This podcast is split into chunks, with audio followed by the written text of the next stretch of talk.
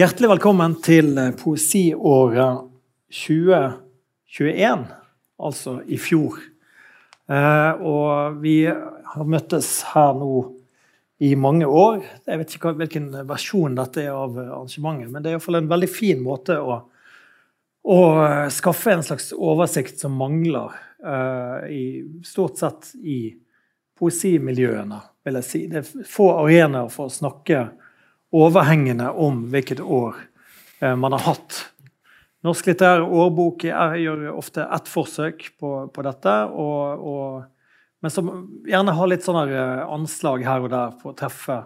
Og gjerne nevner fire-fem navn da, i løpet av året. Men, men liksom det å ha det store spekteret der, og det er, det er uvanlig. Uh, dette skal jo i utgangspunktet være et positivt arrangement der deltakerne trekker frem spesielt gode utgivelser i året som har gått, men vi skal også lage tid til å se på tendenser og på feltet som helhet i den tiden som vi råder over. Står det bra til med norsk poesi? Har den klare mangler i forhold til andre lands lyrikk? Er det noe i de materielle strukturene rundt som påvirker den mot ulike retninger? Altså ytre strukturelle faktorer som man kan mistenkeliggjøre er med på å prege den. Skriveskole eh, som gir et, en tidlig mulighet til kollektivt innsyn og aktivitet eh, for mange av de ferske poetene. Det andre er selvsagt de generelle, spesifikt norske rammene som den deler med annen norsk skjønnlitteratur, gode ordninger og økonomiske forhold for produksjonen. Det tredje er en eksplosiv økning i fremført lyrikk. Kanskje ikke akkurat i de siste to årene pga. korona, men i form av festivaler og opplesningskvelder som kanskje drar den i en mer muntlig retning. Folk flokker til opplesninger og hører på forfattermøter på radio og podkast, men det er, faktisk, det er, faktisk, å ta opp en diktbok og tilbringe tid med den, er noe ytterst få mennesker faktisk gjør. Vi skal bruke mye av tiden vår på å snakke om boken her, og hva den gjør med oss når vi sitter og blar i den og ser i den. Vi har med oss tre relativt unge paneldeltakere. To lokale og en, inn, en som har kommet inn med tog. Katrine eh, Heiberg virker som poesianmelder i Morgenbladet og nettidsskriftet Krabben, og har også gitt ut en samling sjøl for noen år tilbake. Johannes Grytnes er en elsket og hatet anmelder som har skrevet sine anmeldelser i bl.a. Bergens Tidende og det månedlige tidsskriftet Blad.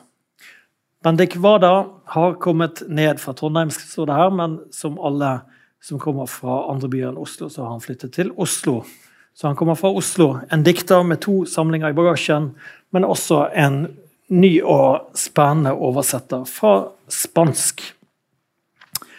Eh, før vi går i gang her eh, Vi skal ha gleden av å trekke frem åtte positive eh, bøker.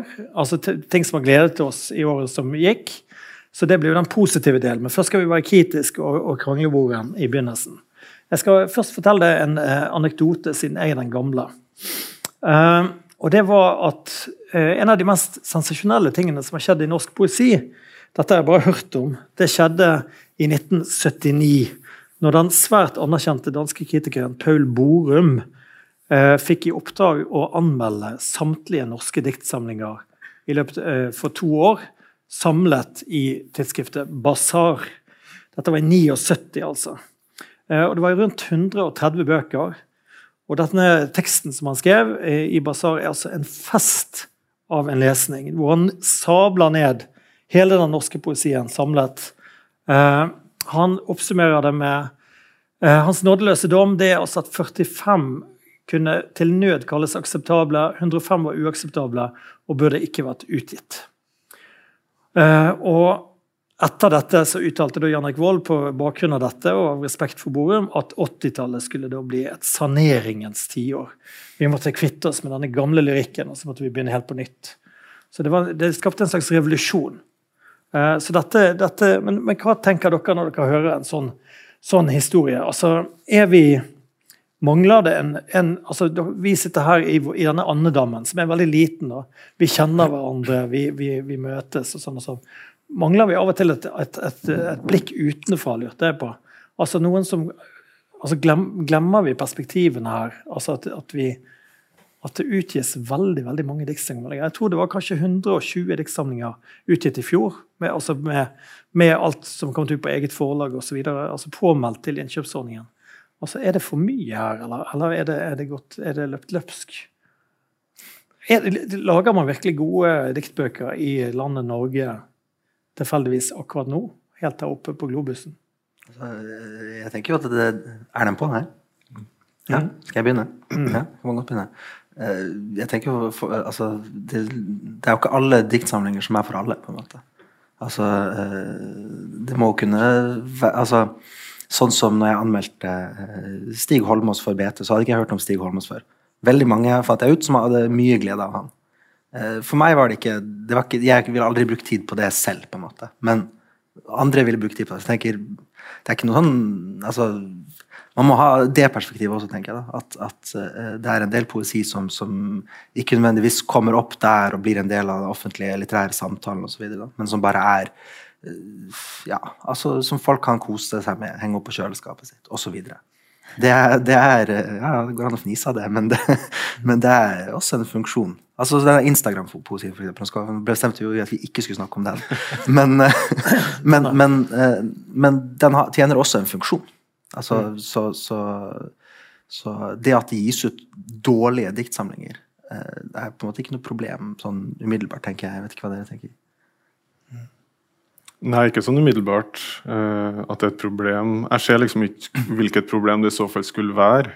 Gjør det at Hvis vi gir ut mange, så gjør det at, gjør det at alle blir dårlige av den grunn? Eller er det sånn at ti, de ti som vi syns er best, blir de dårligere for at det gis ut veldig mange andre? Altså, de, det er ikke nødvendigvis at de har noe med hverandre å gjøre. Altså, miljøet kommer jo Altså miljøer som skaper poesi, eller miljøer som fremhever den, eller noe, det kommer ikke av eh, at det kommer ut så mange bøker, nødvendigvis. Det kommer heller av at folk møtes og ses og eksisterer sammen da, og leser hverandre. Sånn at det kommer ut mange bøker Eh, Herregud, folk, det er jo ytringsfrihet at folk får lov til å gi ut bøker om de har lyst til det. Og så er det et politisk spørsmål om de skal kjøpes inn, da. men det er jo ikke her for å diskutere, kanskje. Men så tenker jeg også at uh, det er også noe med at det her var i 1979, sant? og det virker sånn voldsomt passé at en eller annen sånn gammel danske skal sitte med noen ting. eller sånn, Hvorfor var det viktig den gangen? At Pål Borum sa det. Han var, veldig anerkjent, han var stor. Han danna Forfatterskolen i København. Han var, han var gift med Inge Christensen. Ikke sant? Sånne der store sånn, å, Kjemperedd. Uh, men, og det tror jeg sikkert jeg også har vært når jeg møtte Pål Borum og han hadde sabla ned noe jeg har skrevet. men det virker samtidig veldig passé å mm. liksom ønske å kanonisere på den der måten, tror jeg.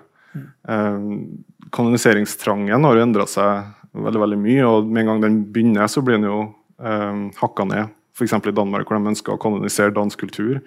Det ble jo mm. kritisert i hytt og pine når Jeg husker ikke hvem det var, om det var eh, Lars Fuch Eller jeg husker ikke hva han heter. Er en sånn gammel statsminister som ville det. Eller en kulturminister. Og de prøvde jo det eh, med Linda Hofstad Helleland i Norge. om det, Eller hun foreslo det vel. Um, så de der koloniseringsproblematikkene uh, de kjenner ikke jeg som noe presserende, egentlig. Uh, Hva tenker du, Katina? Man skulle jo kunne tenke at, at det var nesten, nesten motsatt også.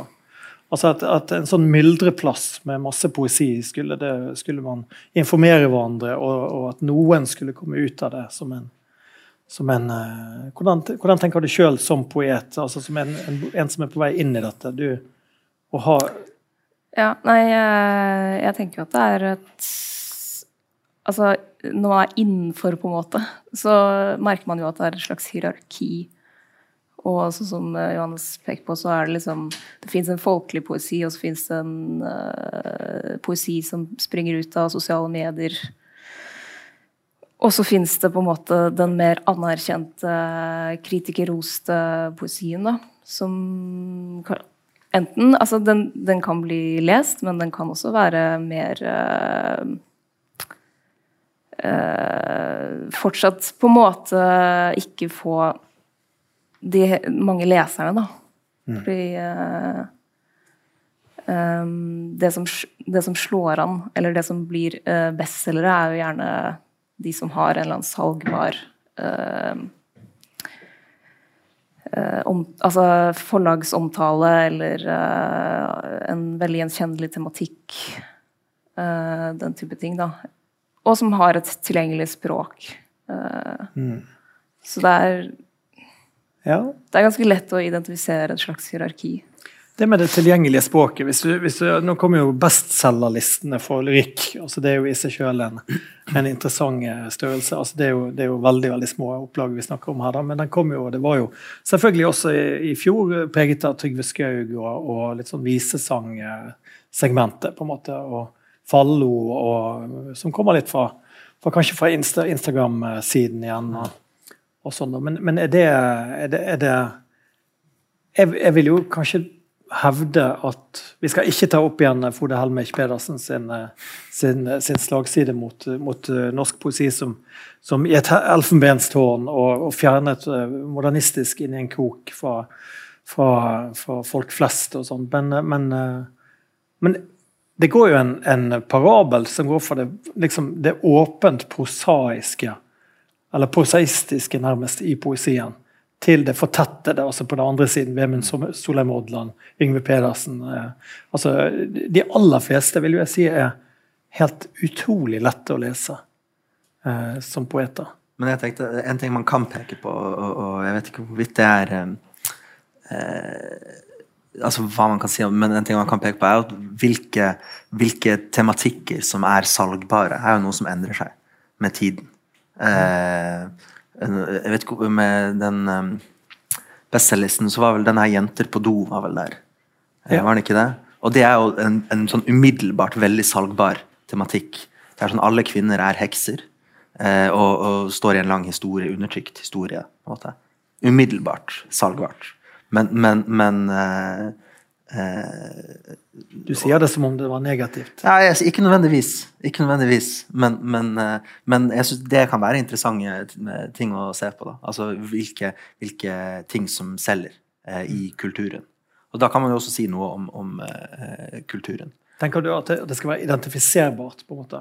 Altså At, at lyrikkleseren skal kjenne igjen seg selv og sin egen hverdag? Ja, altså men, men den jenta på do så har jeg mer inntrykk av at det er eh, mer snakk om er, et hvem er forfatteren der? Ide Longrin Hva er det hun heter? Ida Lorien Ringdal. Lorien Ringdal. Ja. Eh, det har mer inntrykk av at det er en, en at det er, eh, altså det er fellesskapsskapingen. Altså, eh, som, som, poesien tror jeg kan være ganske god på å lage. Altså, her er vi, vi er et vi, og vi skal få til noe, vi skal gjøre noe. og Slå, i- slå inn taktfaste eh, eh, paroler, da. Som jeg tror kan være eh, både bra og dårlig, selvfølgelig. Altså, eh, ja. Ja. Men, men, eh, det, det er med hva som er, men så tror jeg også de bestselgerlistene. Det er liksom, hvilke forfattere er det som har størst vennekrets? Eh, fordi at det er så lave salgstall. Eh, så det, er litt sånn, det, det har veldig mye å si, det også. ja Det er helt sant. Det var noen overraskende navn der. Som, jeg var også en av de som hadde de største vennekretsene i fjor. Ja. Og var med på bestselgerlisten. Så, så, eh, men det var rett og slett pga. vennekrets. Det, det, var, det var helt sånn på ekte. Eh, og det har jo også litt med at, eh, at det kjøpende Nå er vi veldig inne i en bitte liten debatt, men, men altså det kjøpende publikummet er jo ikke studenter. Eh, Det lesende publikummet er studenter, men det er ikke det kjøpende publikummet. For de har ikke råd til å kjøpe diktsamlinger til 349 kroner. Sant? Men vennene til Stig Holmås har råd til å, å, å kjøpe det, fordi de er 60 og 70 og 50 og, og sånn, sant? Og, og har råd til det. Og mine venner har også etter hvert akkurat begynt å få råd til å kjøpe boken min. sant? Så det, så det, det, det, det er noe der òg, med de tallene der. Men eh, ja. Eh, Jeg lurer på, på Bendik, altså du, du har jo tilbrakt mye tid i Mexico, og du har satt deg godt inn i, i spansktalende poesi, og ung spansktalende poesi. Altså rett og slett i det alderssegmentet som du sjøl tilhører. Altså den, de, de som er i gang der. Eh, når de leser, jeg går ut fra at du har vist dem norsk lyrikk. Uh, hva, hva sier de meksikanerne når de ser det? Altså, er, de, er de helt sånn der, Hva er det dere holder på med? Liksom? Er det, er det, hvor er hjertene? Hvor er, hvor er, hvor er metaforene? Hvor er, er svungen? Jeg er ikke nødvendigvis uh, noe særlig kritisk mot det som noe som helst annet. Eh, for det første så er det veldig lite som er oversatt, da, så det er veldig vanskelig å lese for at de aller færreste kan norsk. Eh, det prøvde vi å bøte på, da, jeg og Karina Bedari, ved å lage en antologi hvor vi oversatte noen norske poeter som vi likte. Um, men de reagerer jo selvfølgelig på samme måte som man gjør. Man møter en poet, eh, eller en diktsamling, en bok eller et dikt, ofte et dikt, og så prøver man å gjenkjenne noe hvem er det som bebor det her? Liksom? Hvem er det som har skrevet det? Prøve å få en sånn følelse av at noe blir levende på en veldig særegen måte gjennom det her diktet. Um, de, ingen som har hørt som har reagert noe særlig for eller imot på noe som helst annen måte som andre skriver dikt. Altså, vi er jo alle under liksom, kulturimperialisme fra Frankrike, England, USA. Eh, modernismen ser ut på en viss måte pga. at det er noen kulturimperialistiske land som har bestemt at det skal være på den måten. Mm. Um, og folk driver på med modernistiske eksperimenter i Mexico på samme måte som de gjorde i Frankrike for 100 år siden, og det gjør vi i Norge også. Um, så vi står egentlig litt i samme bås der. Um, den store forskjellen som jeg ser mellom i hvert fall Mexico um, og Norge, er at i Norge så har vi så store institusjoner som legger til rette for en viss type poesiproduksjon. Og er, Det er jo ikke en, egentlig en litterær, litterær praksisdebatt, eh, egentlig. Det er en teknologisk debatt. For at det bestemmer hva det som er en lønnsom måte å gi ut og vise poesien sin på. Mm. Og det er å skrive en diktsamling hvert tredje, fjerde, femte, sjette år. Mm. Som, inne, som, er sånn mellom 50 og 80 sider ca. Eh, og det får man, ikke sant? Og jeg kjenner meg igjen i deg òg. Jeg driver akkurat, akkurat det samme. Um, og det har tenkt jeg da, hvis vi skal, liksom, Nå kan vi jo diskutere mer når vi går gjennom bøkene, men det har ført til at det styrende prinsippet i poesiproduksjonen er ikke diktet, men det er boka som helhet. Så vi har skapt liksom poesibøker heller enn diktsamlinger. Det tror jeg mm, mm. er egentlig en mer um, passende betegnelse på det som lages. At, at diktet nærmest er utslettet? Dikt er ikke utslettet. Altså, dikt er det du kaller dikt, men det er ikke diktets indre virkninger i liksom, enheten som er styrende for hvordan det blir utforma. Det er bokhelheten mm. som gjør det, og at det skal stå i sammenheng med neste side. At man leser der, og så leser man her, og så har man en enhet som kalles bok. Mm. Og det, det, er jo fordi at vi tjener penger på uh, å gi ut bøker, uh, og ikke på å publisere på nett, i tidsskrifter. Um, vi tjener penger på å lese, lese, opp, men det preges jo veldig av at man liksom må finne et dikt inni boka. Det mm. føler jeg veldig ofte når jeg er på poesiopplesning, at det, man må lete noe som er representativt for hele boka, istedenfor å lese et dikt man mener kan passe som er godt da, i seg sjøl. Du blir jo kun invitert til disse poesiopplesningene i den grad du har gitt ut en bok. Mm, eh, det er også et veldig godt poeng. At det, da er man inn. Da kan man bli medlem av Forfattersentrum og mm. etter hvert Forfatterforeninga. Da blir man invitert. Um, ja. Mm. Jeg tenker også uh, at det er uh, Altså, hvis du sammenligner med sånn f.eks. Danmark, hvor, hvor, jeg har inntrykk av at det er mye mer aktivistisk eh, poesi, og at det er mye mer fokus på um, altså, I den grad det bare er staffasje, eller uh, Men jeg har inntrykk av at det er mye mer fokus på liksom, liksom undergrunnstankegang. Da, at vi er på en måte en slags mot, motstrøm, understrøm, uh, uh, poetene. og at de representerer et eller annet en eller annen motkultur. Da. Og det er vanskeligere å, å, føle at man representerer en motkultur når man gis ut på Gyldendal. Mm. Uh, og det kan jo likevel selv, altså Diktene kan jo på en måte ligne litt, men, men det gjør noe med lesningen av, av diktene også. At det mm. blir ikke Det får ikke like mye tenner, da, uh, føler jeg, norsk poesi. Det, har, det, er ikke så mye tenner. Det er kanskje det er min første påstand. Mm. Er, du, er, du, enig i det, Katrine? Du sitter også og eh. leser ganske mye som anmelder. Ja, altså, ja, jeg kjenner meg igjen i mye av det Bennik og Johanne sier. Altså, både det der med at uh, boka har blitt viktigere enn enkeltdiktet. At liksom det, det, Før så var det jo vanligere kanskje at, at poetene hadde liksom hatt en del dikt på trykk her og der, og så til slutt så samlet de det sammen og utga det som en bok, liksom. Mens i dag og ja, jeg har også gått på Skrivekunstakademiet, jeg husker det liksom at uh, en lærer der uh, sa at uh, det er nettopp boka man må, man må jobbe med, da. for å Fordi det er den som gjelder, på en måte, nå. Mm, mm. man leser ikke ett og ett dikt, man leser et man leser et verk, liksom. Um, også angående det med, med ja, hvordan forlagsverden uh, styrer liksom um, disse utgivelsene til å bli sånne uh, relativt like uh, bøker, eller i hvert fall tilsynelatende. Jeg tenker jo at hvis hvis flere bøker kom i en annen innpakning eller ble utgitt eh, på mindre forlag, så vil man også lese dem annerledes, da. Det er, liksom, mm. det er, noe med hvordan de blir solgt også, som gjør at man leser dem på visse måter, eller man går til dem med visse forventninger. Eh, jeg tenkte på det i forbindelse med eh, f.eks. en debutant fra i fjor, Ida Frette, som utga en diktsamling som heter 'Perverst navn'. Som, ehm, og hun har, liksom, hun har jo bakgrunn fra alle de store skriveskolene. Både Sverige. Danmark og Norge. Ja. Eh, og den boka er jo tydelig liksom Teksten da, er liksom uh, strukturert som en dialog. Og man ser for seg at den kunne blitt satt opp på et teater eller som en performance. liksom.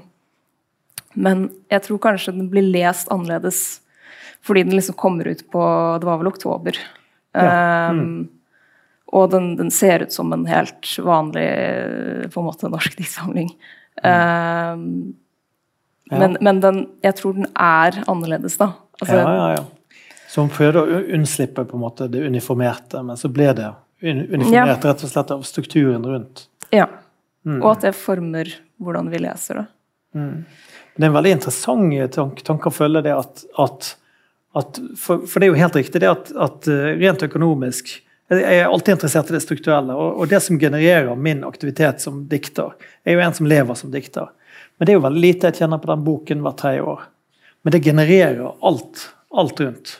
Så faller de bøkene vekk. Da begynner plutselig mindre relevans i mange sammenhenger som dette eller, eller andre sammenhenger å falle. Så, så, det, så dermed så må du ha den. da. Så det å sitte seg ned og lage en bok i, eh, i 15 eh, år. Da. Hvis jeg skal lage mitt mesterverk, så skal jeg sitte og jobbe i 15 år. Så, så møtes vi i 2040 eller et eller annet sånt. Det, det, går jo ikke. Da må jeg begynne å kjøre Fløibanen eller et eller annet.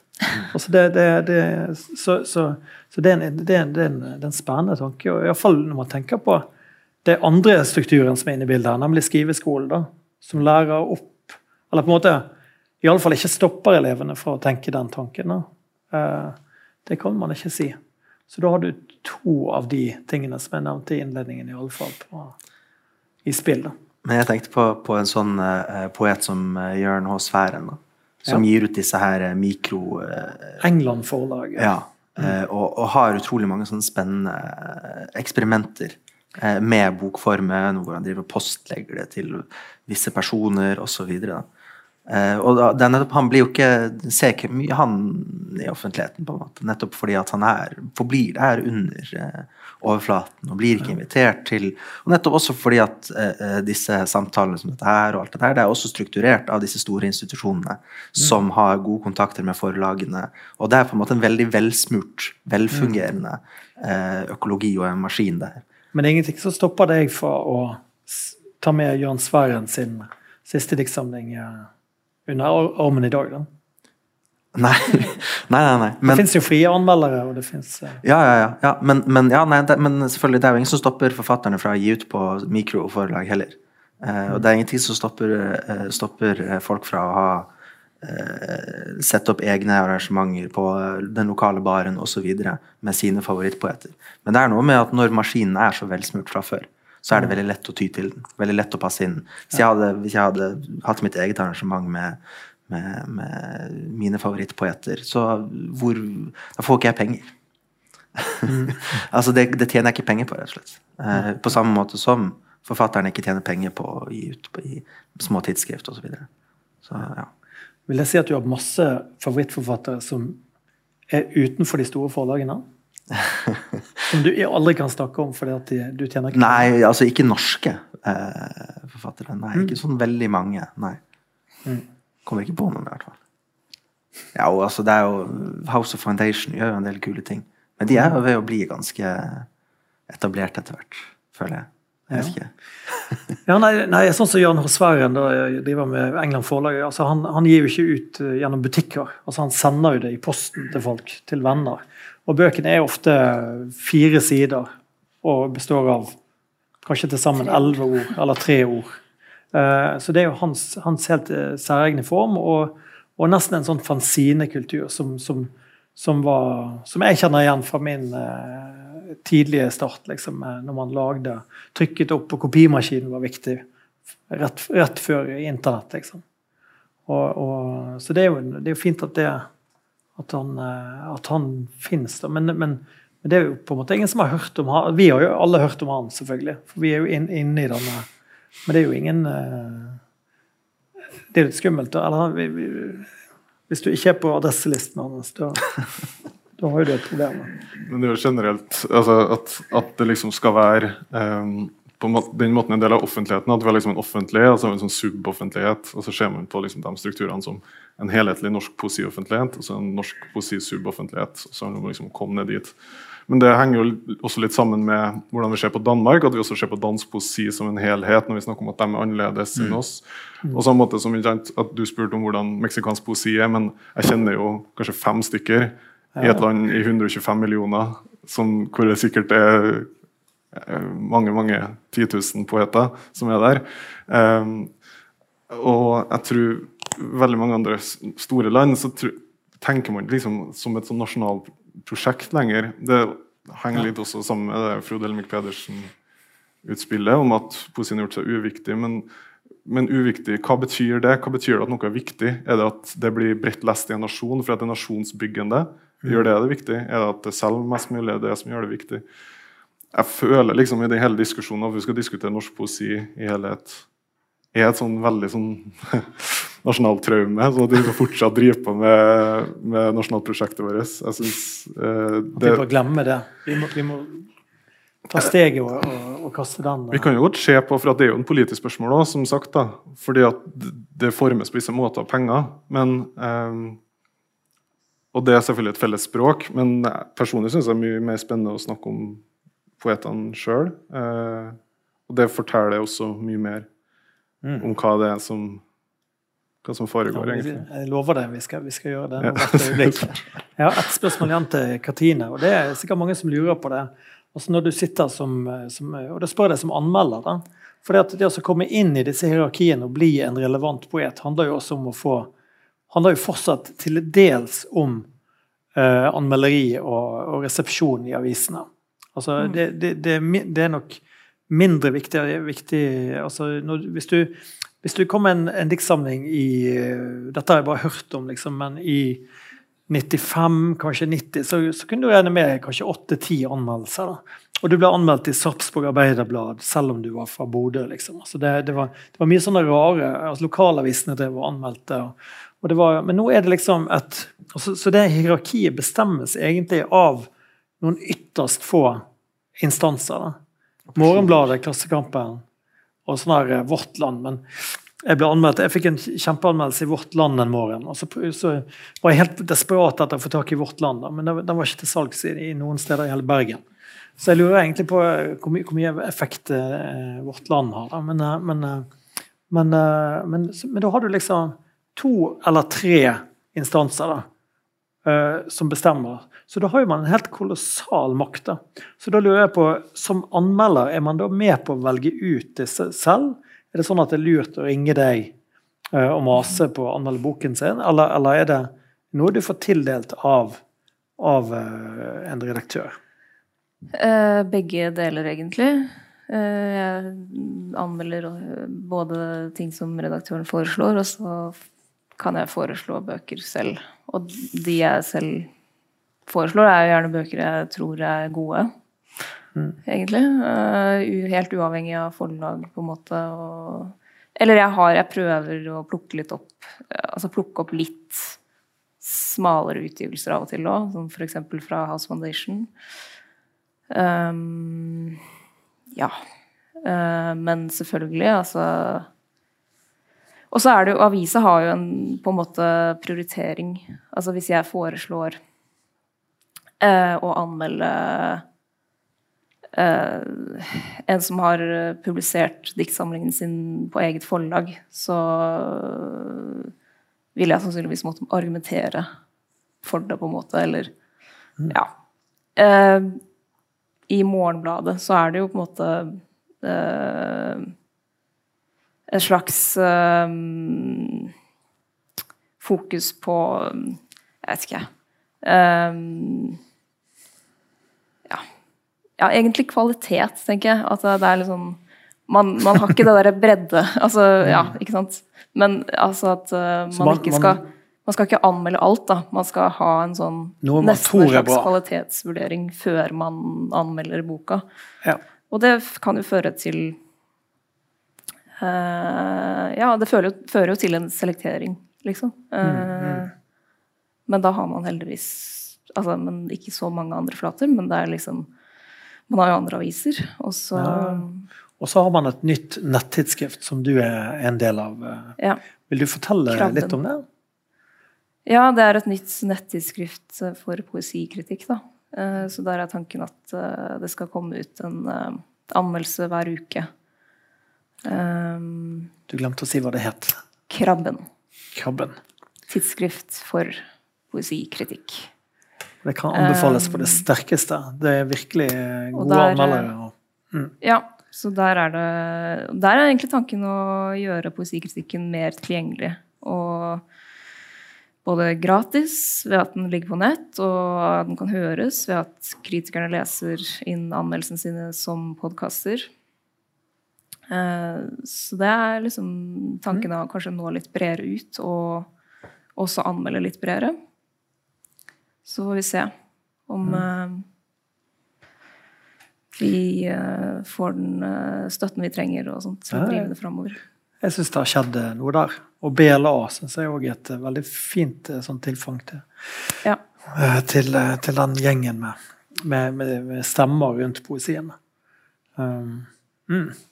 Nei, men fint. Eh, Vi skal gå i gang litt med Dette blir mest sannsynlig 90 minutter uten eh, pause. Altså, fordi at eh, man har ikke lov til å gå og vase rundt for dette er korona.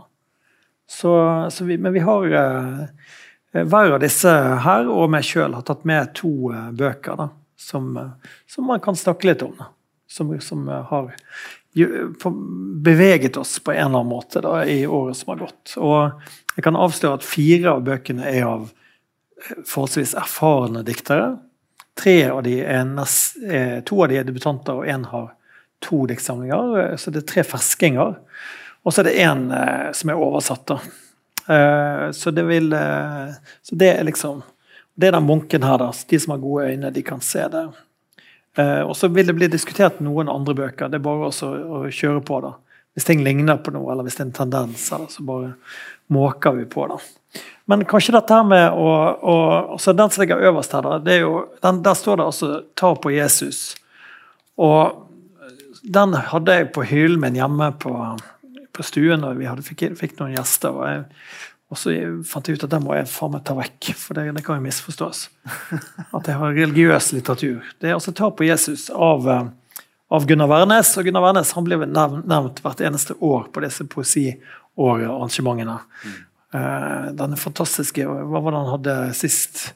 Eh, Skrive er å be om for mye. å skrive er å be om for mye. Og nå er det altså ta på Jesus. Og vil du ta oss igjennom den? Jeg, vil jo bare, jeg vil bare bemerke, da, i forhold til at du har tatt med denne boken, Johannes, at det er nesten bare 20 sider med dikt i denne. Altså. Ja, ja, ja. ja, eh, nei, altså eh, Ta på Jesus er da Gunnar Wærnes sin eh, nyeste diktsamling. Eh, og, en, eh, og en essay, eh, et lengre essay om som, som kanskje er mindre interessant i denne sammenhengen, men som ja, av anmelderne har fått mye oppmerksomhet. Da.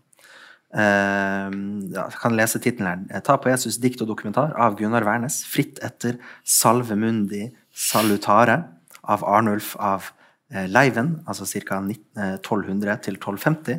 Senere tonesatt og bearbeidet av Dietrich Buxtehude fra ca. 1637 til 1707 under navnet Membra Jesu Nostri. Så det er en slags bearbeidelse av et barokk Salme. på en måte. ja, en salme som senere ble tonesatt eh, av en eh, barokkomponist. Eh, og det er da eh, først så er det eh, dikt hvor, hvor, eh, som er liksom klassisk eh, Gunnar Wærnes med, med en språkfilosofisk, eh, religiøs ja, diskusjon, da. eller meditasjoner over språkets si, altså språkets ødeleggende og språkets skapende kraft. er veldig sånn for de som har lest Værnes før, så er det på en måte litt kjent, da. Og det, det husker jeg også når jeg anmeldte den, så husker jeg at uh, selv om jeg syntes det var bra først, så kjente jeg sånn var jeg, For jeg hadde nettopp lest den her og skriver og ber for mye, og da kjente jeg at da ble det nok Værnes for en stund. For, uh, fordi at det er mye det er mye det samme, har jeg litt inntrykk av. selv om det nå denne gangen er veldig sånn Jesus-greie. Hva er det som er det samme? denne her postmodernistiske språkleken Eh, som man driver med. Eh, hvor, hvor eh, språket, som man sier, språket er en kniv, og poetens oppgave er å bære mening ut på da, denne knivseggen. Så man må være liksom veldig forsiktig i møte med, med språket. Jeg kan lese lite, en liten mm. side her. Eh, fra, er, altså, den originale salmen var da eh, en, en, eh, en, eh, en salme til da Jesus sine lemmer, altså syv lemmer. da. Eh, og her er da det som heter Jesu hender. Hender tomme, hender nakne, laget for å jakte, grave, stryke, pirke, slakte, kjele, pleie, kamme, lindre feber, bake brød og bøte garn. Hendene er én og to, de hører sammen, samler seg i samme omsorg, i det aller minste hele tallet. Én. Språket er en kniv, kvesset av å gni seg inntil andre kniver. To. Alle ting som lar seg si, bæres ut i verden på denne knivens egg. Tre. Menn å separere hjertet ifra brystet, det er hellig brødre.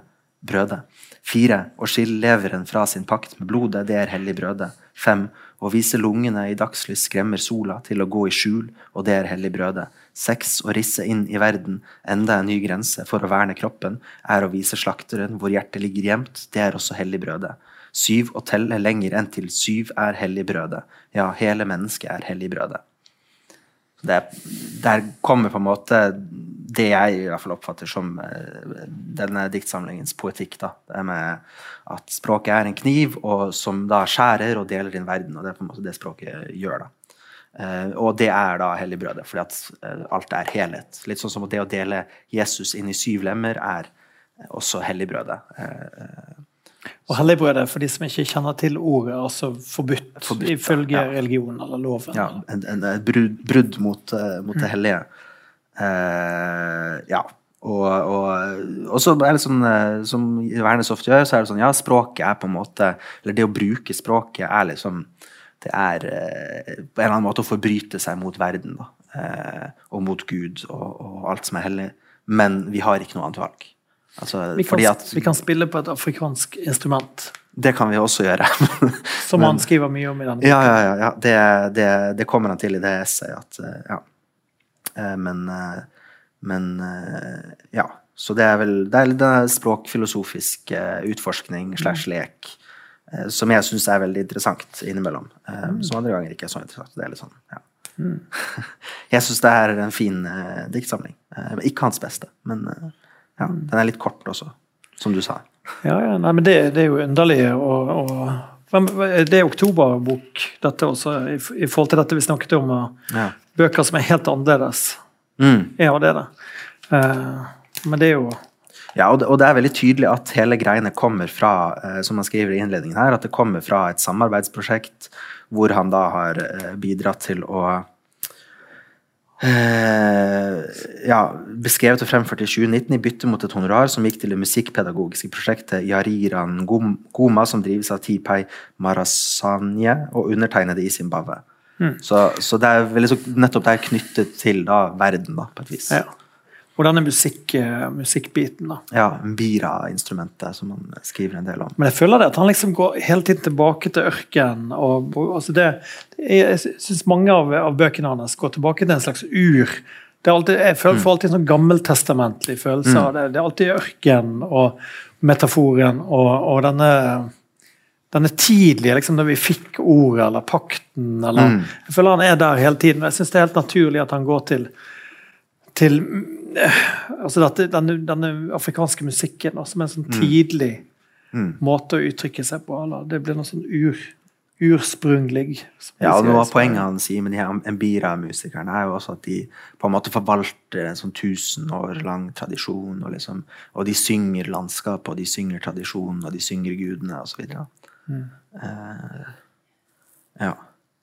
Og, og, og det er jo også eh, noe jeg har tenkt på og skrevet tidligere, at, at rytmen hans er litt som en slags sånn altså Innimellom så er det litt sånn barnerimaktig. Eh, og litt sånn uh, ur Man ser liksom for seg på en måte en ape som på en måte bare gir etter for et barnerim innimellom. Altså Det er noen steder hvor det blir nesten parodisk også, men uh, som virker som et poeng for ham da, i flere sammenhenger. Det, det skal også legges til at det er også en bok på engelsk. på en måte, altså Den går an å vende, og så får man oversettelse av boken eh, på, til engelsk på den andre siden. 'Touch Jesus'. Så det er en dobbeltutgivelse. Eh, men eh, en ting jeg lurer på, Johannes, nå vet jo ikke jeg noe om din, din, ditt forhold til, til Gud eller religion eller sånn. Men, mm. men, men hvordan er det å lese noe som der metaforikk og, og på en måte hele det man nærmer seg, er, har så religi mye religiøse overtoner som det. Han er jo nesten, nesten innom det på hver eneste side Ja, ja, i denne boken. Så hvordan er det La oss si du ikke er religiøs. Hvordan, er det, også, hvordan, hvordan gir det mening da å lese det, eller? Nei, han, han skriver et eller annet sted i det essayet, husker jeg ikke det helt nøyaktig, men at, eh, at eh, ordet ånd, altså det henger sammen med pust. Altså det å puste inn i noe. Og det er litt det jeg føler det har Altså at det er der jeg føler at man ikke trenger å nødvendigvis sånn Men eh, altså, vi skjønner jo hva ordet Gud betyr, eh, alle sammen. Eh, Og vi skjønner hvem Jesus var, og så. Og vi skjønner hvorfor Jesus døde på korset, og, og hele den greien der, det, det kjenner vi til.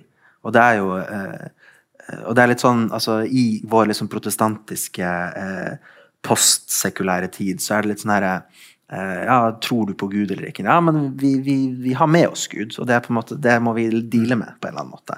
Eh, og vi kan oppføre oss som om vi ikke tror, men, eller vi, vi, eh, vi gjør jo det, men, men det er fortsatt relevant eh, all den tid eh, de metaforene eh, som gjennom 2000 år har blitt utviklet og, og befestet i, i kulturen vår, fortsatt er med på å forme oss og kulturen vår. Så eh, Men ja, så det tenker jeg i hvert fall. Ja, ja. Men Gunnar Wærnes er en ru- ruvende skikkelse etter hvert, og virkelig en av de store navnene. Med en produksjon som er helt sånn Mm. usannelik, altså. Det, hvordan han eh, ligger, sitter der borte i Sverige og kaster ut dette.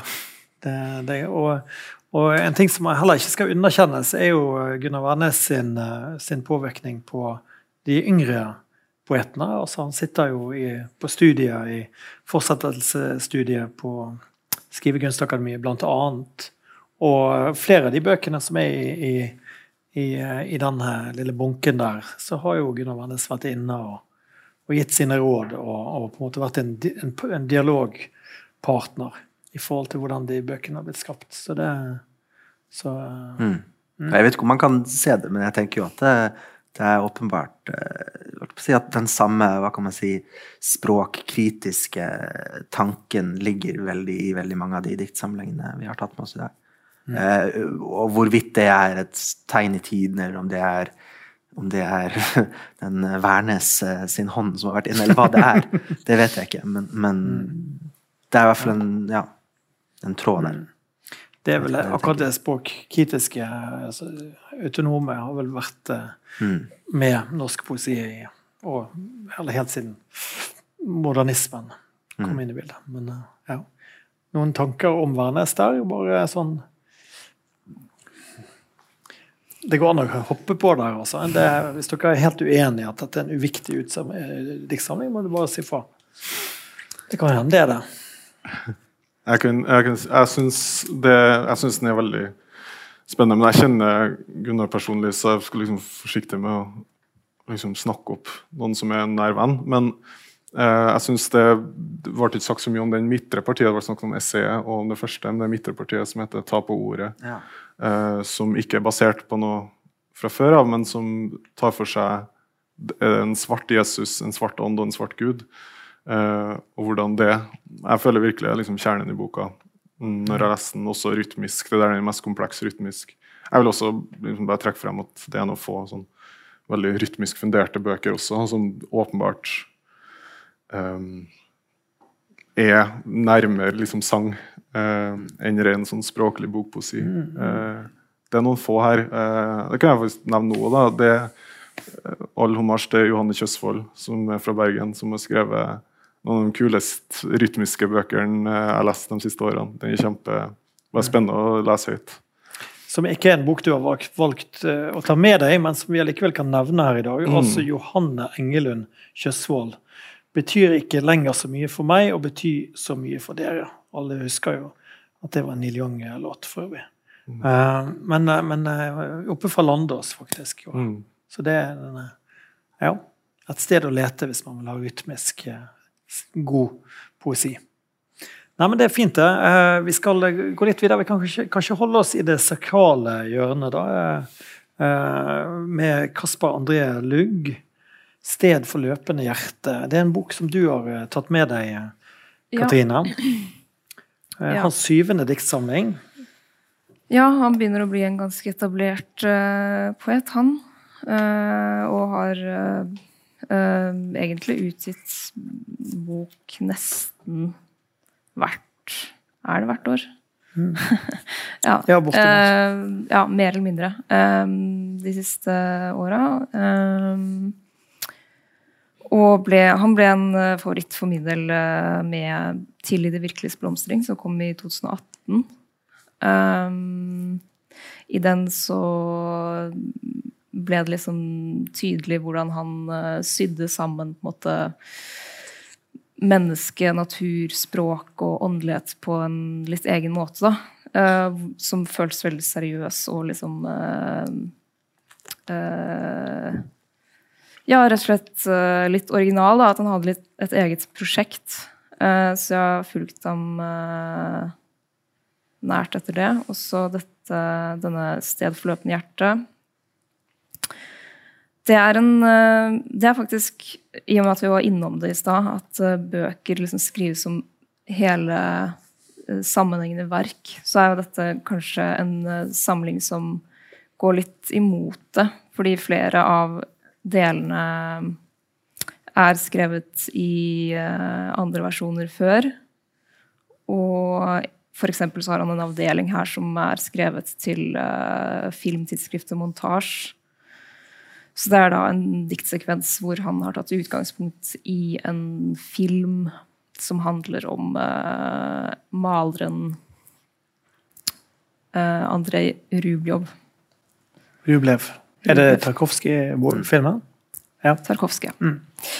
Så det er uh, Det er liksom um, kanskje noe som kjennetegner uh, Lugg sin uh, poesi. Da. At uh, han sammenstiller ulike sfærer og uttrykksformer og liksom deler ting inn. da, Både på liksom diktnivå og boknivå. Så er det liksom i dikt så er det I diktene så sammenstiller han sansninger og og setninger, utsagn, um, tanker. Altså det er um, Ja, han har liksom ulike nivåer i diktene, da. Jeg kan egentlig lese noe for å um, komme med et eksempel.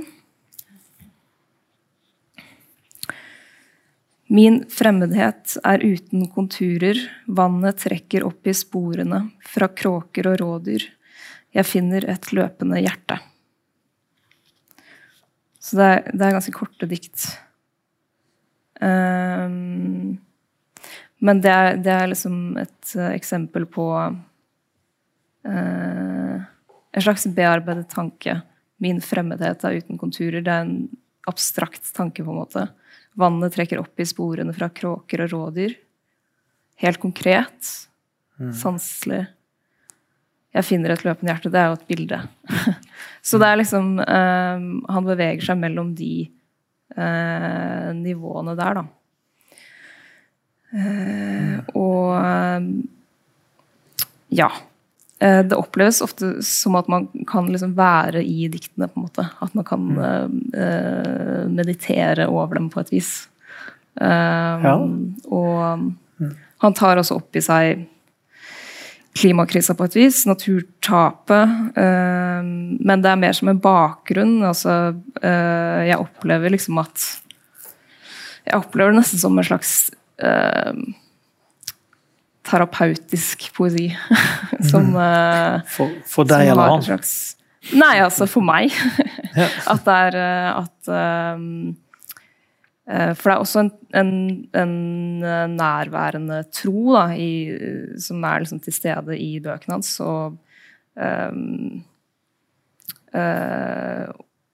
som også Som jeg tror henger sammen med liksom det at han skriver om naturen som et sted for tilhørighet. Da. Uh, han er liksom uh, opptatt av at mennesket er atskilt fra naturen. Og er en fremmed i naturen, men, men samtidig, eh, samtidig, så er naturen vår dypeste sammenheng, da. Så den, den dobbeltheten har han, og den, den jobber han i. da. Og så er det også et språkarbeid. Et utbredt språkarbeid her. Eh, som også handler om at, det, at språket både er eh, en måte å nærme seg disse erfaringene på, og samtidig så er det noe som eh, setter oss på avstand fra ja, erfaringer som egentlig i bunn og grunn, eller fra begynnelsen av, er, i hvert fall er språkløse. Så jeg syns det, det, er et veldig spennende forfatterskap. Og, ja. Mm. Eh, Johannes, du anmeldte vel eh, denne boken? Du, Nei, jeg anmeldte ikke den. Jeg anmeldte den for Maria-biotopene. Ja, nettopp. Og da var du litt skeptisk til Nei. Nei, jeg var euforisk. Ja, nettopp, nettopp, nettopp. Men uh, Ja, nei. Jeg, jeg, jeg, jeg, jeg feil da. Jeg trodde ja. du var litt sånn Nei, det tror jeg ikke. Antilugg. Nei, nei, nei, nei, på ingen måte. Uh, uh, nei, jeg syns Lugg er en av de mest spennende poetene vi har. Uh, og, og, det er mye Jeg tenker jo sånn mens Katrine snakker, så er det sånn uh, Det er mye av det samme si, utgangs, i utgangspunktet som, som Det er mange likheter med Værnes, uh, uten at de likhetene altså, Jeg har mer inntrykk av at Værnes beveger seg mer over i det filosofiske og abstrakte. Og det er åpenbart, i Lugg så er det også filosofisk arbeid som ligger til grunn. Og det er også eh, snakket mye om på denne Ulvik poesifestival, hvor han fikk mye taletid, så snakket han mye om at, om at eh, diktet må gjerne være vanskelig, og det må gjerne på en måte, men da må det være et løfte i diktet om at hvis du er i diktet, hvis du er i det, så finnes det eh, holdt si sannhet der. Det finnes innsikt. Eh, hvis diktet bare er vanskelig bare for å være vanskelig, så, så ja, så, så det, liksom, det, ligger tydelig altså det, Du føler deg på en måte Det er en uh, det er en eh, Altså, han utvikler en etikk, da, syns jeg, som er uh, ganske interessant. Og som jeg føler har mye med det uh, liturgiske eller ritual Altså det liturgiske å gjøre. Altså det her med, med å, at poeten utøver et eller annet ritual da, i, i språket, et offentlig ritual, som vi kan delta i. Og dermed kanskje ja, hele den splittelsen som språket også har opprettet mm, mm. i forhold til verden. da. Så jeg synes det er, sånn, det er filosofisk konsistent, men også veldig sanselig og billedrikt uh, forfatterskap. Mm. Ja, det var veldig fint å sitte og, lese det til, til, jobb, rett og slett. Det var, det var, jeg har aldri sittet og liksom lest han Jeg har lest han for raskt, mm. rett og slett, før. Altså, jeg har, jeg har bladd for fort. Og det å liksom dvele litt med, med, hver side, det var, det var nødvendig, mm. vil jeg nesten si. Så det var en opptur. Han sier også det i et av de diktene 'Kjærlighet utsetter gjenkjennelse' som, eh, som eh, virker som et sånn viktig poeng her. Da. At, at også når han bruker det ordet samtidighet, også det å være samtidig med diktet, og det å bare være i det, heller enn å på en måte gjennom da kategorier og, og begreper på en måte etablere denne gjenkjennelsen. Så på en måte bare være i denne samtidige kjærligheten på en måte, mm. med tingene og med, med, verden og med diktet osv. Mm. Som jeg føler han prøver å skape. da. Men, ja. Jeg føler vi må bryte opp dette sakrale stedet. Vi må, vi må ha noe ungt og, og vanskelig og, og, litt sånn løpsk. Hva med å gå inn i eh, boken 'Desperasjonsanimasjon' Ja, av Silje Linge Haaland? Silje Linge Haaland. Du har tatt med deg, Bendik Vardal. Det har jeg tatt med meg. Um, jeg tok med jeg har tatt Og med dette er en debutant. Jeg har tatt med to debutanter attpåtil. Um, rett og slett fordi eh, dere valgte før, og det var ingen som valgte debutanter. Eh, men også fordi det er veldig behagelig å lese debutanter, for at du har ingen forventning om hva de skal komme med. Eh, som oftest ikke om de ikke har publisert noe før. Eh, det er noe etablerende, det er noe sånn manifesterende ved det. det, det de ligger ikke på latsida, liksom. Um, og det blir jeg ofte veldig glad av. Selv om det er veldig mange av dem, så blir jeg veldig glad når de er veldig gode. Og, synes, og Silje Linge Haaland er jo ingen sånn debutant som i å være utøvende kunstner som generelt, for hun er også billedkunstner eh, og videokunstner og lydkunstner og har gjort veldig, veldig mye. Og en veldig stor produksjon bak seg. Også en, eh, en rekke videoer som heter eh, Desperasjonsanimasjon. Um, som man kan se delvis av på nettet. Um, og ja, Silje Linge Haaland er fra, hun er fra Bergen, forstår jeg? Eller fra Fitjar. Fitjar. Ja. Mm. Um, og det er mm? Sunnhordland. Okay. Stord. Ikke herfra. Publikum rister på hodet. Nei da, jeg tuller. Um, det er åtte avdelinger i boka, eh, og det blir liksom blitt framhevet det der med at det her avdelinga som inneholder flere dikt osv. Um, og det, det skjer det i veldig mange diktsamlinger, men jeg leser dem rett og slett som åtte langdikt. Uh, det er sånn jeg får mest ut av dem. Det er sånn jeg får størst bevegelighet i bildene som blir trukket opp. Um, det, du, det man får uh, se, det er, det er både et jeg og et vi eh, som gjør, sier, opplever ting, eh, og etter hvert ser på noen unger. Det er liksom de handlende instansene. Um, og generelt så er det et, et en, Jeg tenker på det som en sånn ja, altså, desperasjonsanimasjon. At det er en desperasjon her. Eh, det går fint an å lese det inn både liksom, eksistensielt og som liksom, tradisjonelt eksistensielt, men også økoeksistensielt. Um, men hvor man begynner å betvile det man ser, i veldig stor grad. Um, hva er det lyset gjør når det treffer netthinna? Um, hvordan er det vi tolker det? Hvordan er det vi uh, reagerer på det, og hva er det vi ser etter? Uh, som er det faktiske objektet eller ikke. Jeg synes hun, Den er veldig spennende, fordi at når hun sier det eller når, altså, Nå skal jeg være forsiktig og si at det er hun som er det, men når, bok, når diktet eh, refererer til noe som skjer, eller noe som sanses, i det hele tatt, så er det som om det er kun referert til. Det er ikke som om det skjer, sånn som vi ville ha lest hvis vi skulle lest prosa, eksempel, at vi skal forestille oss at det her skjer.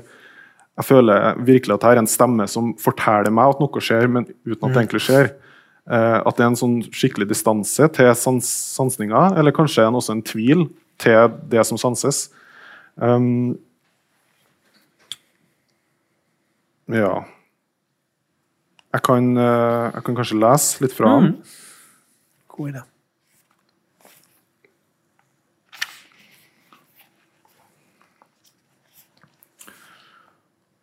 Elva er tørka til flekker av spytt. Vi tar spyttet i munnen, forteller ungene at forslått nese gir blod raskere enn buskene gir sevje. At sår er ulikt rim, at rim er frossen tåke. At mat avgir smak ved tungas berøring. At skåren hofta ligger i, er varm. At halsen er rørforma og slimkledd. Vi viser med kroppen hvordan kikke er en bakoverbøying, og bukke er en foroverbøying. Vi teller i kor hvor mange ganger fisken gisper, viser hvordan vi stikker kniven inn i fiskens svelg og skjærer til magesekkens bjære. Ungene samles rundt knivene, tiltrekkes av knivene. Vi påpeker fiskenes oppsperra øyne, skjuler våre egne oppsperra øyne. Vi senker oss ned til ungenes høyde og tar tak rundt små skuldre, sier at vi dug. Nå svarer ungene med blikket. Dette er kanskje det lengste, som, hvis man skal kalle dem enkeltdikt for enkeltdikt, da, så er det det lengste diktet i boka. Eh, ellers er de mye kortere. Eh, og, og veldig sånn, sånn assosiativt. Det blir kasta opp enkelte handlinger eh, som, som jeg ikke leser allegorisk, selv om de i aller høyeste grad kan lese allegorisk, men jeg leser dem som en eller annen, et eller annet nærvær, et eller annet sånn forestilt eh, inventar, eh, som hvor, hvor liksom bevegelsene, uh, hvor forsøket er viktig på en eller annen måte. det er ikke noe sånn stor billedutvikling, sånn som man ville ha sett i et vanlig dikt. Og Det gjelder jo heller ikke f.eks. lugg. Det er jo ikke noen sånn stor utvikling i bildet. Det er et stillbilde. Det er en reaksjon på det stillbildet, eller en refleksjon. Um, eller en allerede meditert tanke. Det er ikke noe sånn at bildet forandres, det er ikke noe sånn at det brytes opp i enkelte deler, men det, det bare oppstår. Um, ja. Mm. Men jeg bare kjente generelt det var, det var både fornøyelig, men også veldig sånn desillusjonerende å lese den.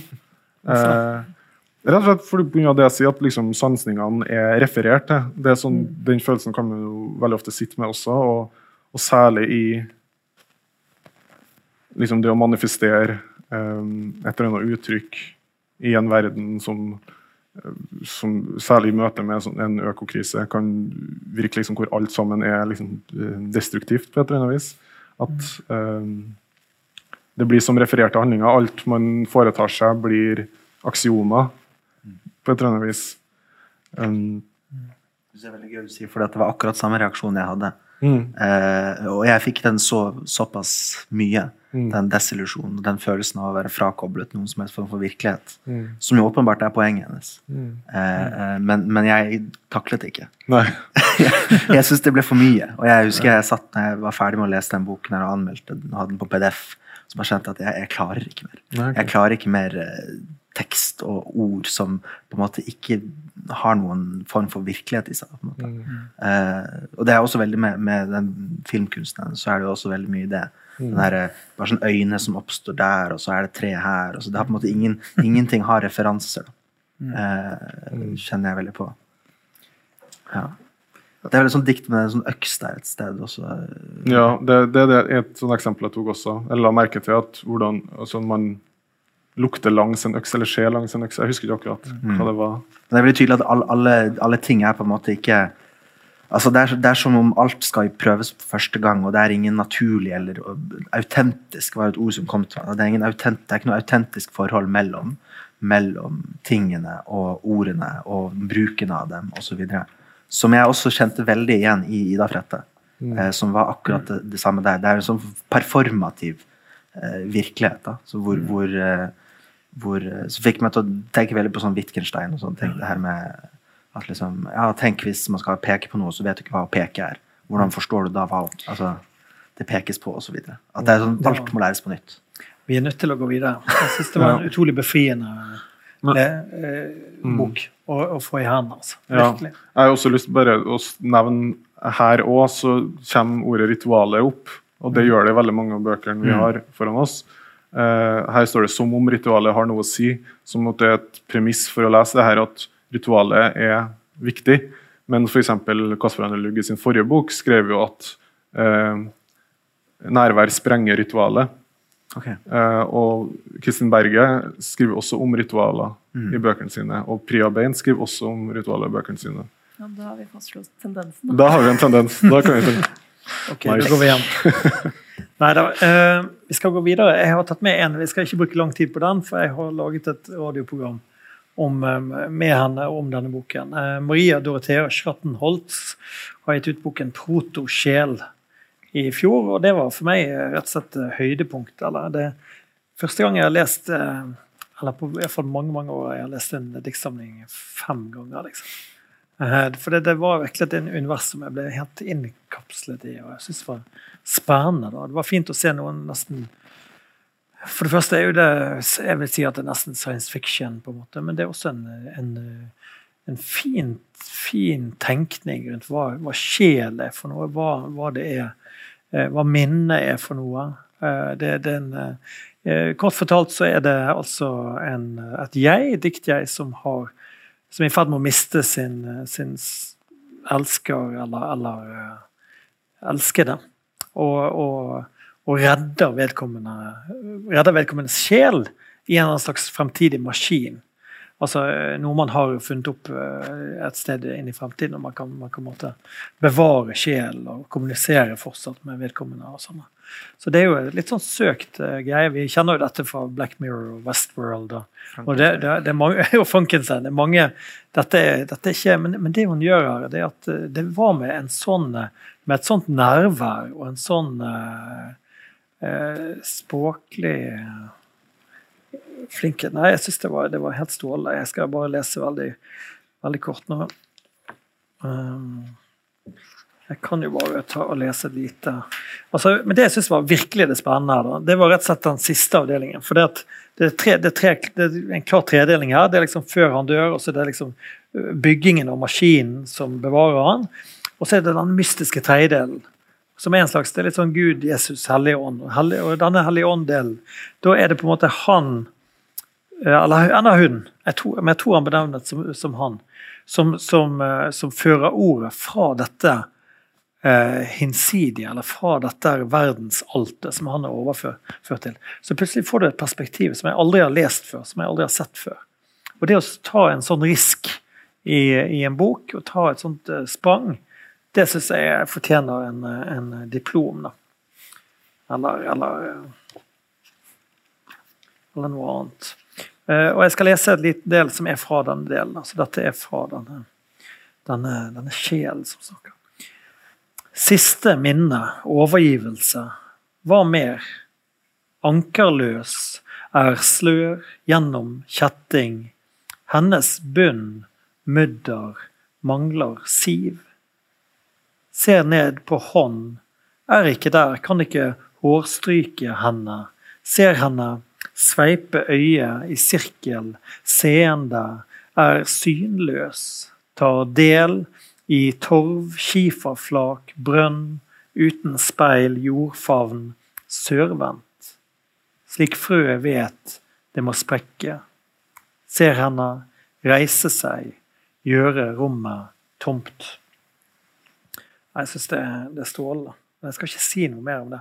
Men, eh, men uh, Maria Dorothea Schattenholz, det, det, tror jeg vi Det blir et navn uh, vi Kan også påpeke at akkurat den her med å se fra denne nedlastede bevissthetsperspektivet og sånne ting, det er også noe Bjørn Vatne gjorde i den her som jeg ikke husker navnet på, som var en roman, sånn framtidsdystopiroman ja. om nettopp da den nedlastning ja. Som også Don DeLillo har gjort. det. Ja, ja. Men, så det er gjort litt rett? Eh. Ja, jeg leser ja, ikke romaner, beklager. Nei. nei. nei. men det, det Men jeg syns den var helt nydelig. Ja.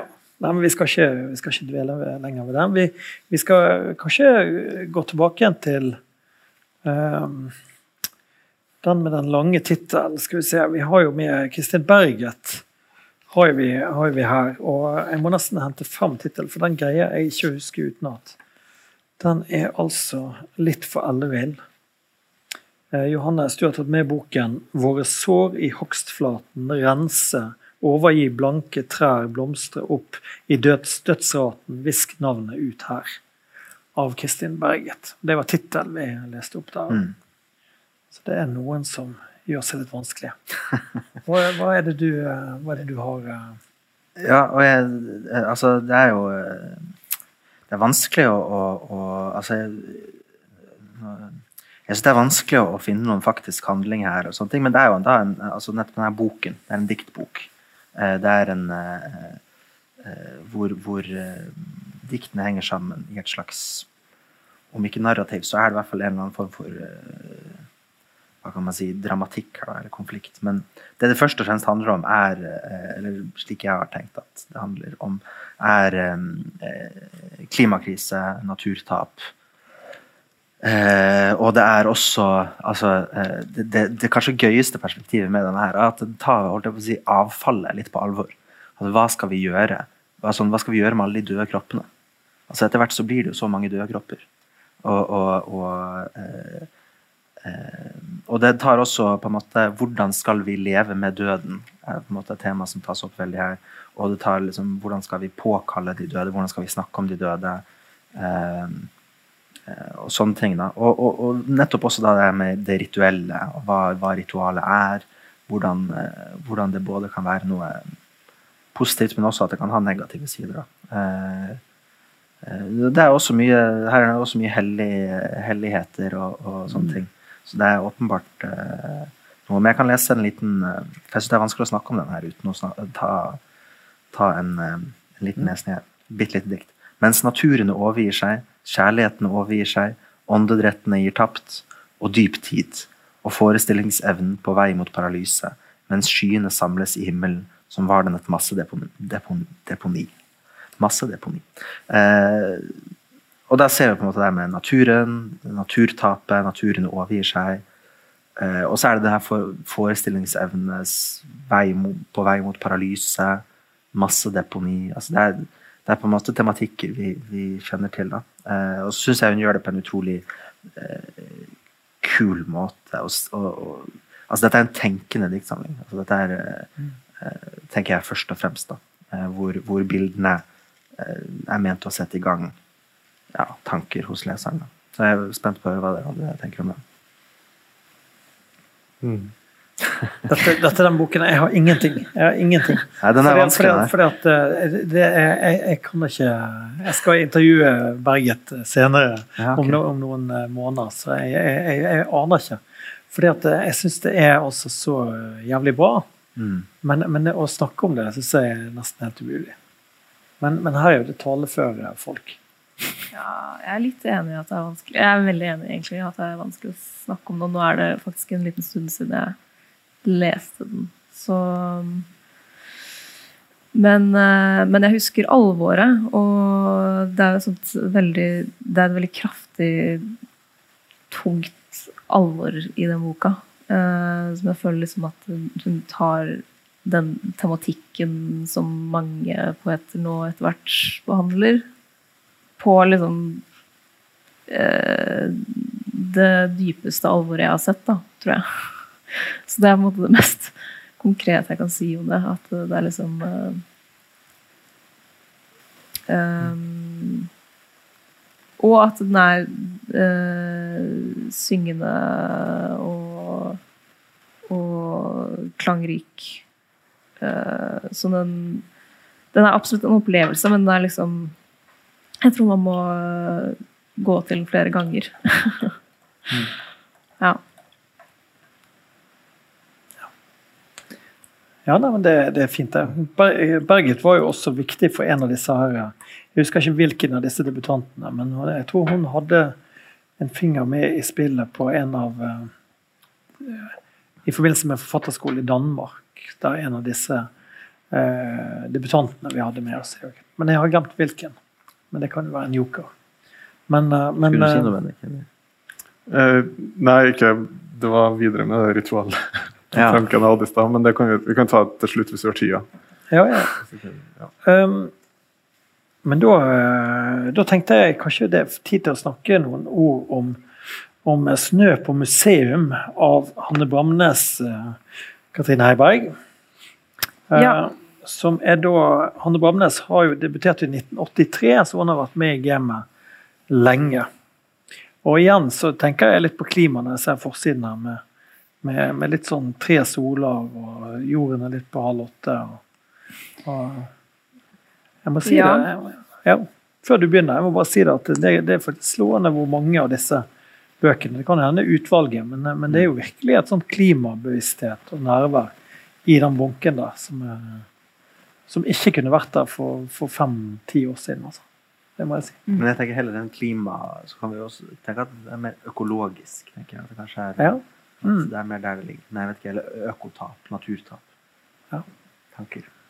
Men nå Katrine, nå, nå må ja. du si hvorfor du har tatt, uh, tatt med Bramnes. Ja, jeg har tatt med Bramnes fordi Eller hun ble egentlig et litt nytt bekjentskap i år. Jeg, har, eh, jeg må innrømme at jeg ikke har lest så mye av henne tidligere. Men hun er jo en veldig eh, Altså, ja, hun har holdt på lenge. Og hun er en veldig kritikerrost poet. Så hun har liksom Jeg føler at hun er en av de nesten-kanoniserte, på en måte.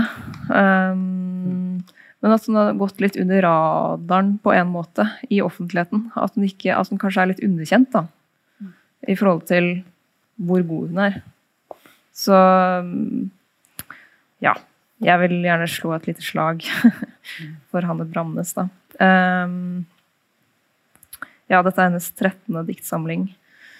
Og uh, jeg tror ikke jeg egentlig leser så veldig mye klimakrise inn i den. Jeg leser den mer som en um, uh, litt mer sånn klassisk erkjennelsesarbeid. Uh, uh, hvor hun jobber med tematikker som historie og fortid, kunst, for, forhold mellom bilder og tekst. og ja, egentlig hvordan forestillingskraften driver liksom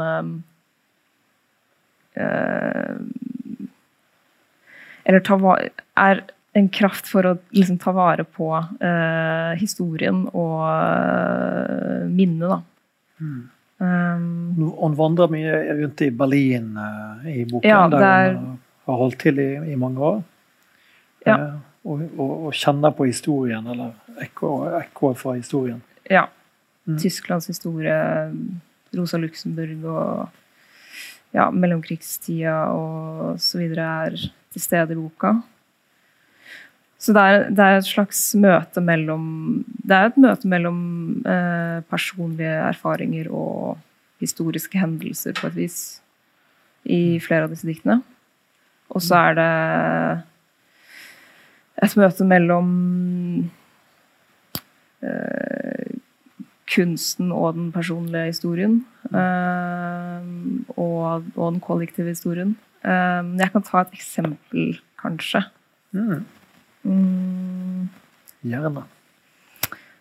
Jeg lurer på om jeg skal ta et annet enn det jeg opprinnelig Fordi det kanskje er mer illustrerende.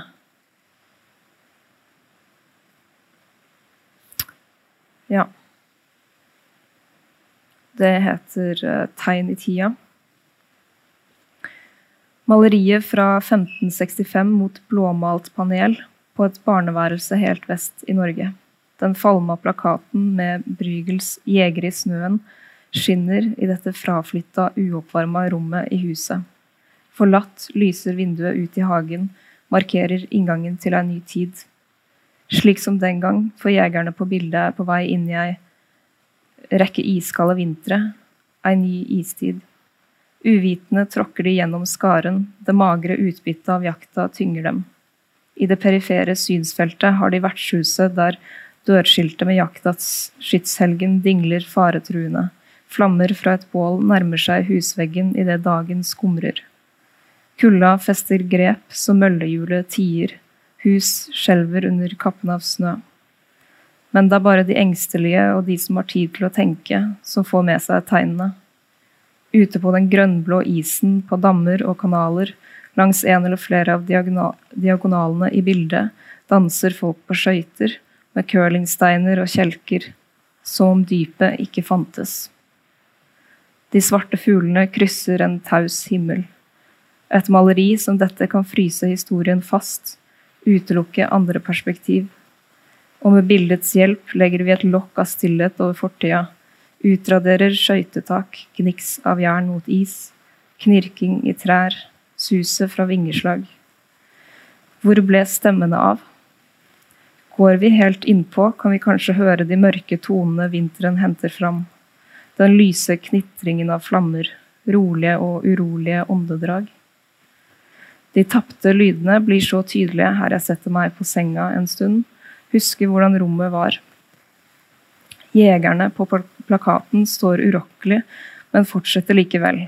Følger linja som leder øyet mot midten av bildet, forsvinningspunktet. Den veien vi skal.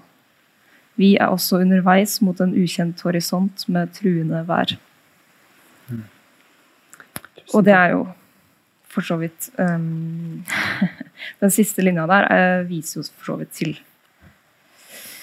uh, klimakrisa, på en måte. da. Men um, det er av de, et av de få diktene hvor det er uh, til stede, mener jeg, da.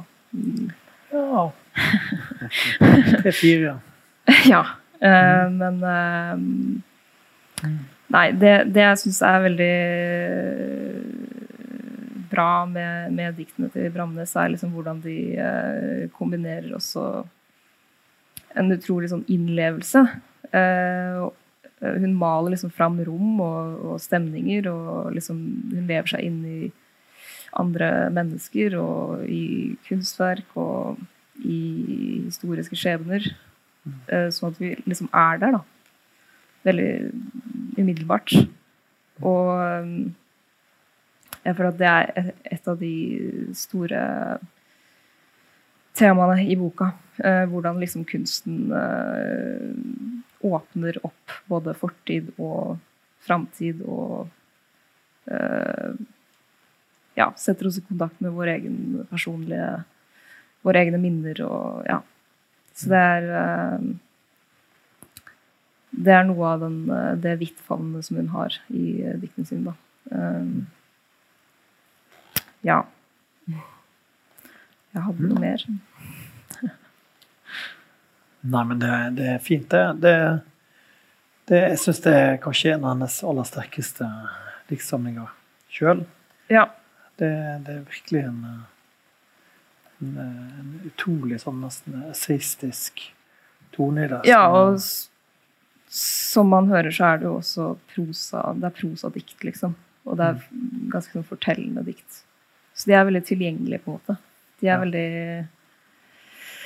Jeg tror alle kan lese da for å si det sånn. Les det. Les ja. Kjøp det ned i boksalongen.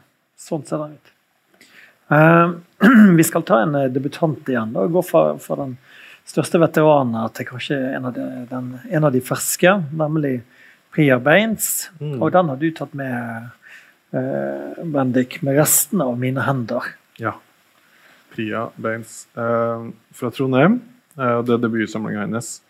Um, jeg tenkte på nå når jeg plukka opp en, at både den her og um, Silje Lyng sin er vel de tjukkeste vi har med.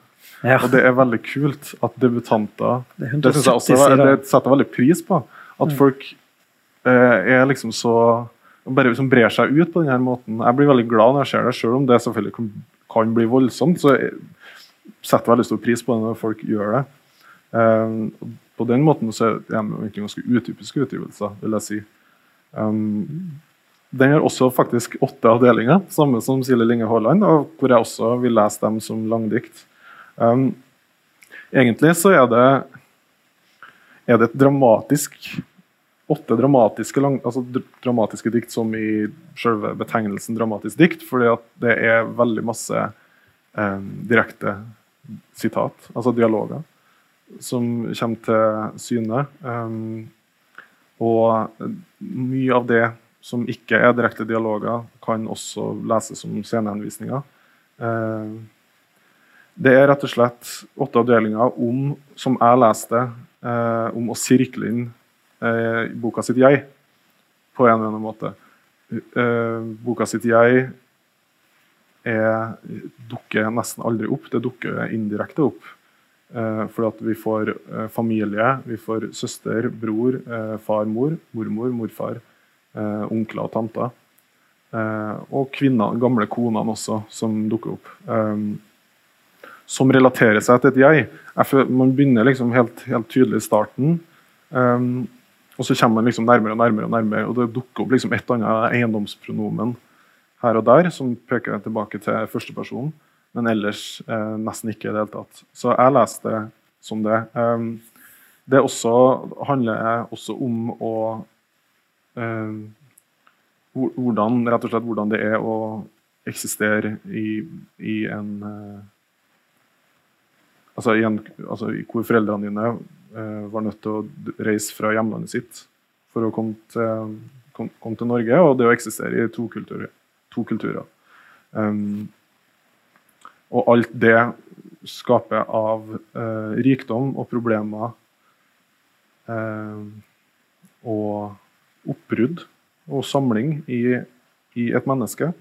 Det er sånn jeg leste. Den er veldig eh, billedrik på mange måter.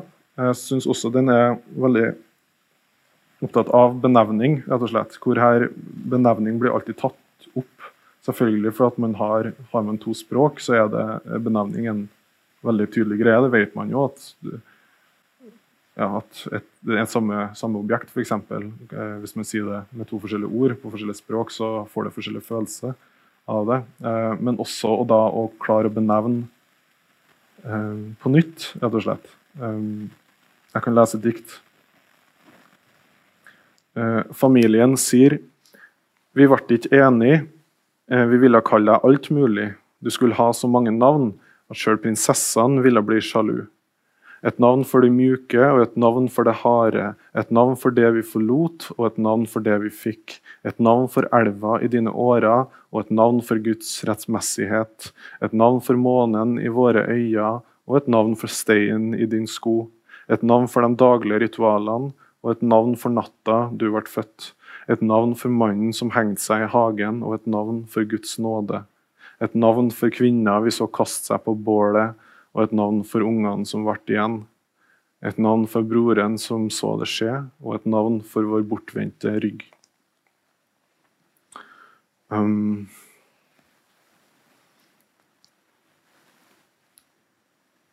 jeg setter pris på denne måten å utføre et, et granskingsprosjekt av et selv.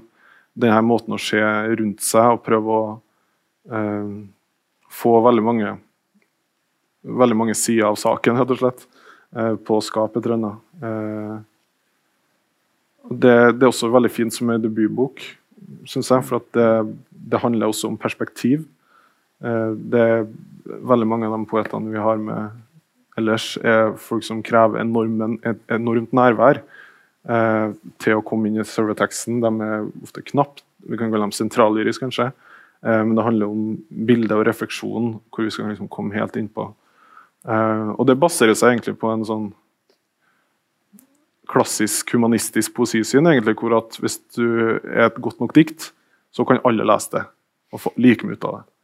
Um, og det, de, de type diktene tenker jeg de har også noe for seg, selvfølgelig. Det er ikke det. Det er veldig fint at man krever nærvær, og at man er ambisiøs. Um, men de er ikke like opptatt av å sette en scene, for eksempel, eller avklare hvilket perspektiv du snakker fra. Um, skape et rom og en tid for å forstå det her diktet i, f.eks. Um, det tenker jeg kanskje Priya Baines gjør da, med boka her. Rett og slett sett iscenesette seg, kanskje seg selv, eller iscenesette en karakter eh, ved å se rundt den, og som veldig mye kan bli rest på bakgrunnen av også senere. Um, mm. Nei, det var en veldig, veldig fin eh, lesning, eh, Bendik. Det har jo vært eh, debatt rundt, rundt, resepsjonen av denne boken. Og hun, hun selv har, har, kritisert resepsjonen for, for å og leses feil, rett og slett. Mm. Og settes i en bås som hun, som hun, føler hun ikke tilhører. Så det var, det var, en, det var en, annerledes uh, måte å se det på. Men uh, vi har dessverre ikke tid til å ta den uh, delen av debatten. For det var interessant å høre hva dere mente om, om nettopp den, de, den tematikkene som den debatten levnet opp. Men, men det var fint å heller få, få høre hva boken er for noe. men, eh, men, i og med at vi er på overtid nå, så, så, lurer jeg på om jeg skal bare nevne den andre boken eh, jeg har tatt med til slutt. Det er jo nettopp en House of Foundation-utgivelse. Eh, og Det er også en oversettelse, og jeg skal ikke si mye om den. Pauli Tapio, finsk dikter. Dette er hans debutsamling fra 2017, og han har kommet med én etter det. Boken heter altså 'Spurvene og tiden'. Og eh, den hensatte meg rett og slett tilbake til eh, eh, mine første skriveøvelser. Så jeg ble så inspirert som jeg aldri har blitt når jeg leste denne boken, 'Spurven av tiden'. Og det var, det var altså en eh, Det er en eh, kompromissløs eh, diktsamling som, som setter sin egen form. altså Tanken føles så sterk at den, den, lager sin egen form og finner opp sin egen form på nytt og på nytt. og det er ganske mange sterke avdelinger inni her. altså de Avdelingen, eh, avdelingen Inferno har f.eks. undertittel 'Dikt, henrettelser, nyhetsoverskrifter og dagboksnotater'. der flyktningkrisen i Dette er jo en bok fra, altså utgitt i 2017, så, så Middelhavflyktningene eh, er en stor del av nyhetene der. Og, og, hvordan han drar frem og tilbake til disse nyhetene som bare kommer og pøser på og overstrømmer diktet han har i ferd med å skrive. Det, det, er ganske utrolig. Det er punkter, det er alt mulig. Så det er, en, det er en, sånn kompromissløshet som jeg bare og Alt som er fragmentarisk, og alt som er eh, alt som er fragmentarisk og jeg ikke forstår sammenhengen i, det blir jeg interessert i. altså.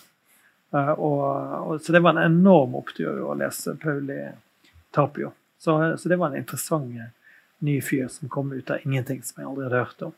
Og, og når det gjelder oversettelser, så, så, skulle vi gjerne eh, snakket om det. Også, men hvordan det opplyser vår egen poesi, det er veldig viktig. da. Hvordan, hvis du tar en meksikansk diktsamling og hiver den inn i den norske bokheimen og oversetter den, hva gjør det med, gjør det med oss? Hvis du oversetter uh, Claudia Rankin og, og, Audrey Lord og, og, den type erfaringer inn i det norske språket, hva gjør det med det norske språket? Hva gjør det med, med oss som skriver? Hvilken, hvilken, hvilket fotfeste Endrer det oss, eller er det noe de Eh, og den, den, Det der har jeg alltid vært interessert i, og her fikk jeg en sånn Jeg fikk lyst til å skrive som Pauli Tapio, eller jeg fikk lyst til å bli Pauli Tapio. Så, så, det er jo eh, Det minner meg litt om Ukon. Mm. Jeg vet ikke om det er en sammenheng som er helt ja, ja, ja, Men det er noe helt sånn særsven, eh, litt sånn svensk, vil jeg sagt. Uh, sånn som jeg kjenner det. Fredrik Nyberg, ville jeg sagt. Tidlig Fredrik Nyberg. Ja. Definitivt. da, Som er så store helt. Tapio er jo også en uh, finsk melankoliker. Ja. Og de liker vi. Ja. Jevnt over. Det er helt sant. Uh, vi skal uh, runde av der. Altså, samtalen skulle jo nå foregått med, med atskillig vin utover natten med alle de som sitter her, for alle kjenner jo hverandre uansett. Så, så, og takk til de som har lyttet på podkasten når de er ute og jogger.